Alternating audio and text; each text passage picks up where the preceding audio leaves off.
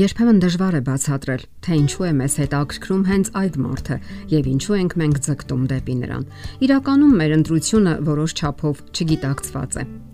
Բանն այն է, որ մեր գիտակցության մեջ շատ խորը մտապահվել են ինչ որ մարդկանց, ինչ որ հերոսների կերպարներ, որ հետք են թողել մեր կյանքում։ Այդ կերպարի մեջ հաճախ իրար են խառնված իրականությունն ու երևակայությունը։ Նրանք նույնացվում են այն սիրո դրսևորումների հետ, որը մենք տեսել եւ ստացել ենք մանուկ օրերին։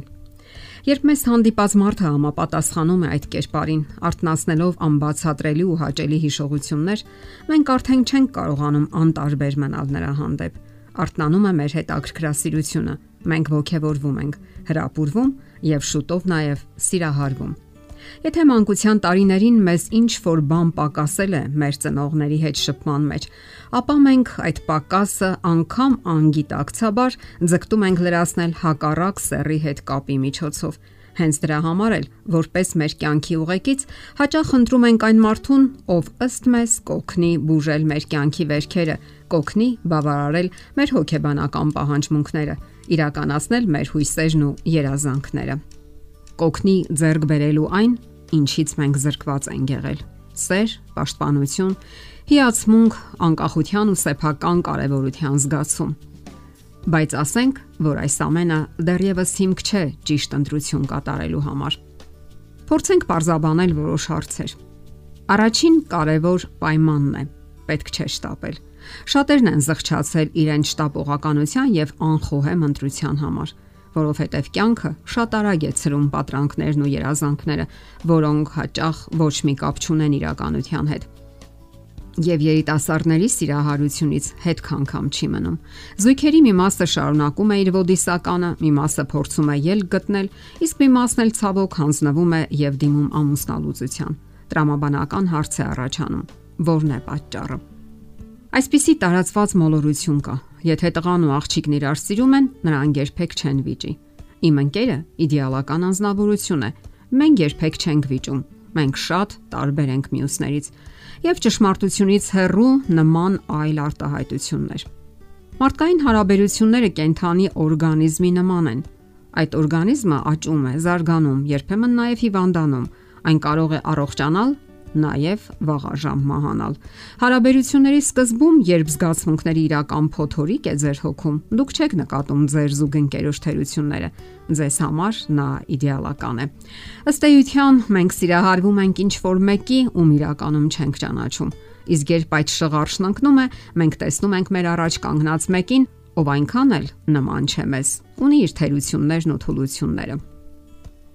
Մեր հաղորդումների ընթացքում մենք շատ անգամ ենք ասել եւ շարունակում ենք կրկնել այն միտքը, որ միայն զգացմունքները բավարար չեն հաստատուն միություն ձևավորելու համար։ Փաստ է, որ սիրահարված ժամանակ զույգը ամբողջովին կլանված է իրենով եւ խուսափում է ընդունել, որ տարաձայնությունները անխուսափելի են, որ վեճերը ոչ թե անպայման տանում են բաժանության, այլ փոխհմբռնման։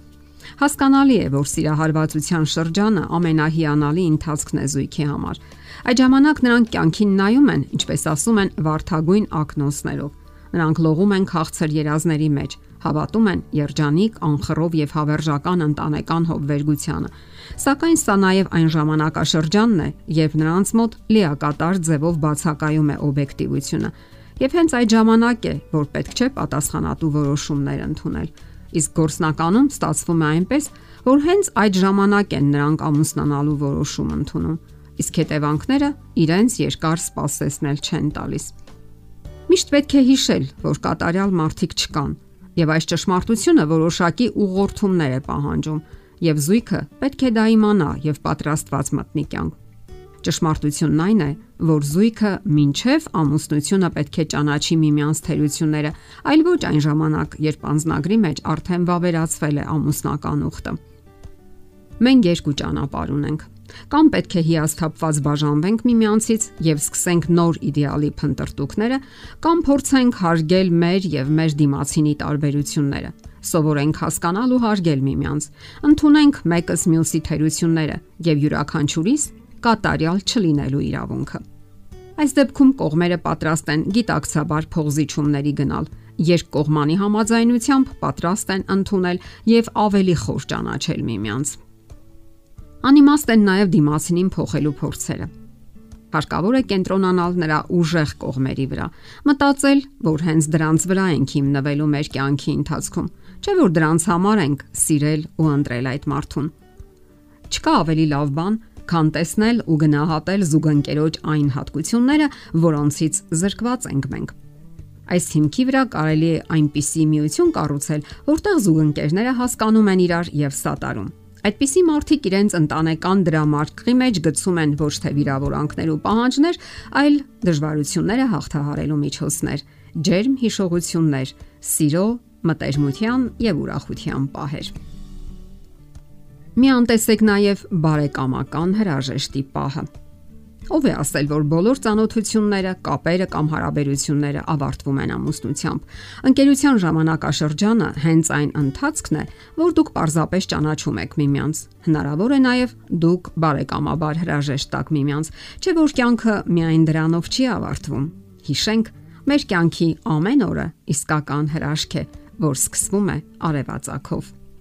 Եթերում ճանապար երկուսով հաղորդաշարներ։ Ունձես հետ է Գեղեցիկ Մարտիրոսյանը։ Հարցերի եւ առաջարկությունների դեպքում զանգահարեք 094 08 2093 հեռախոսահամարով։ Հետևեք մեզ hopmedia.am հասցեով։